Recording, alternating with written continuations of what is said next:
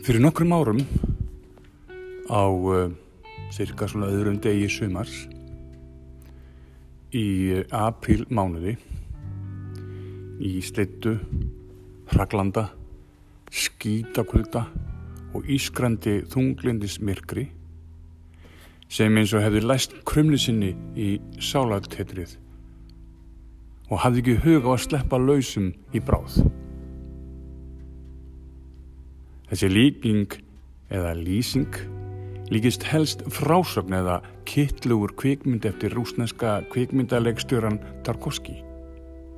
Það er allar tilbörðið að setjast það þar að á föstutaskvöldi niður í miðborg Reykjavíkur kallar kunningi minn glæ nepulega klættur hinum einn götunar á ekki óskamanni gleðið sumars um hrímaðan huga minn hljómaði söngur þussaflokksins nokkur áður á öðrum stað og stundu og ögn hlílegri og, og fjölmennar í stað. Nútímin er trunda með tóman grautar haus hjartað það er hrímað því að heilin gengur laus. Þegar þessi pistill eða hvað við kalla það, vil kalla það, er uh, settu saman, er svona álíka veður eins og ég var að lýsa hér að framann. Ekki beint vorlegt um að litast. Eitthvað er um að höfnatni sé vaknaðar af vetradvala. Fréttir af fugglum, farnar á stjá sem annars láta sér ekki sjá sér hvorki hverstags eða spari. Ástarsöngur farfuggla og, og staðbundina, ég get ekki sagt að það fyrir loft og láð. Saldsjöðir innan gæðsalapa fugglar, stiplur hinsins eins og unlengarnir sem helst láta sjá sig í hópum og svona björtum dögum á skólatíma og þá ekki sjálfviljur reyna sitt besta að upphugsa leiðir að komast hjá að hlaupa stípluringin með ólundar svip og hávari röptum makka þeir sín, sína milli hvern hátti geti blekt íþróttakennaran sinn í því tilgangsleysis vittlusu að vera að hreyfa sig Það þarf ekki unglingana til þótt allar líðheilsu rannsóknir benda í það átt að hreyfingin er góð fyrir alla aldurshópa en alltaf skal maður gera sitt til að komast hjá því. Þóttu senn kalli vorið á okkur. Það finnir það til dæmis vel þegar maður vaknar og, og, og, og vil fara í sundið eða rektina. Æ, það er svo erfitt, segi þá hig röttin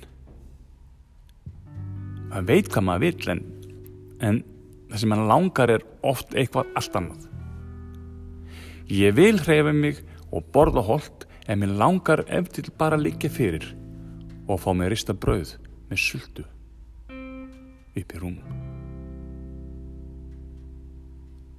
það er eitthvað í okkar mannkor mannfólkinu sem veldur því að við óttumst lífið eins og það er.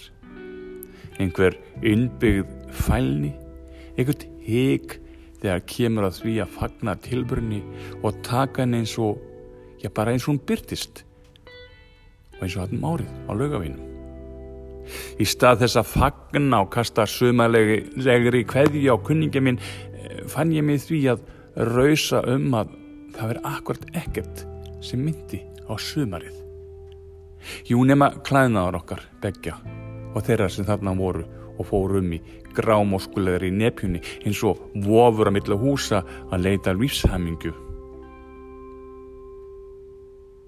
Það hefur ekkert breyst.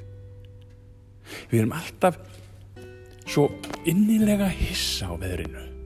Við erum bara alltaf svo rasandi yfir því þegar regnir eða snjóar. Það er alveg sama hversu lengi sem við lifum hér á Íslandi.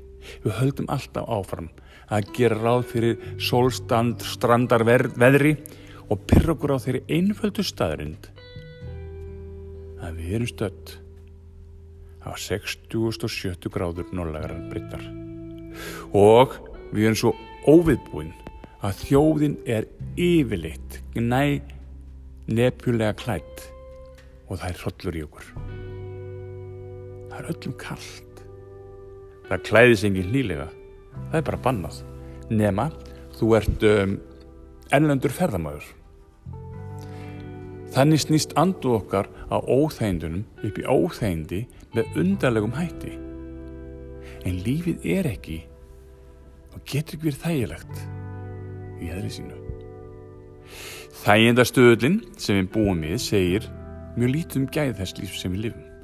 Þess vegna finnst mér svo krútlegt að segja frá því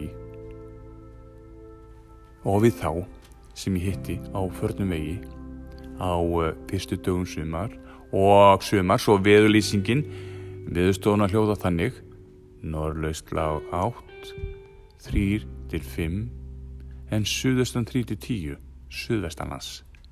Rigning með köplum en slitta á lálendi og snjóa á heiðum suðvestan og vestanlands. En annars skíjað en úrkomi lítið. Hiti breytist lítið. Það er akkurat þetta. Hiti breytist lítið. Hvort heldur að vetri eða sumri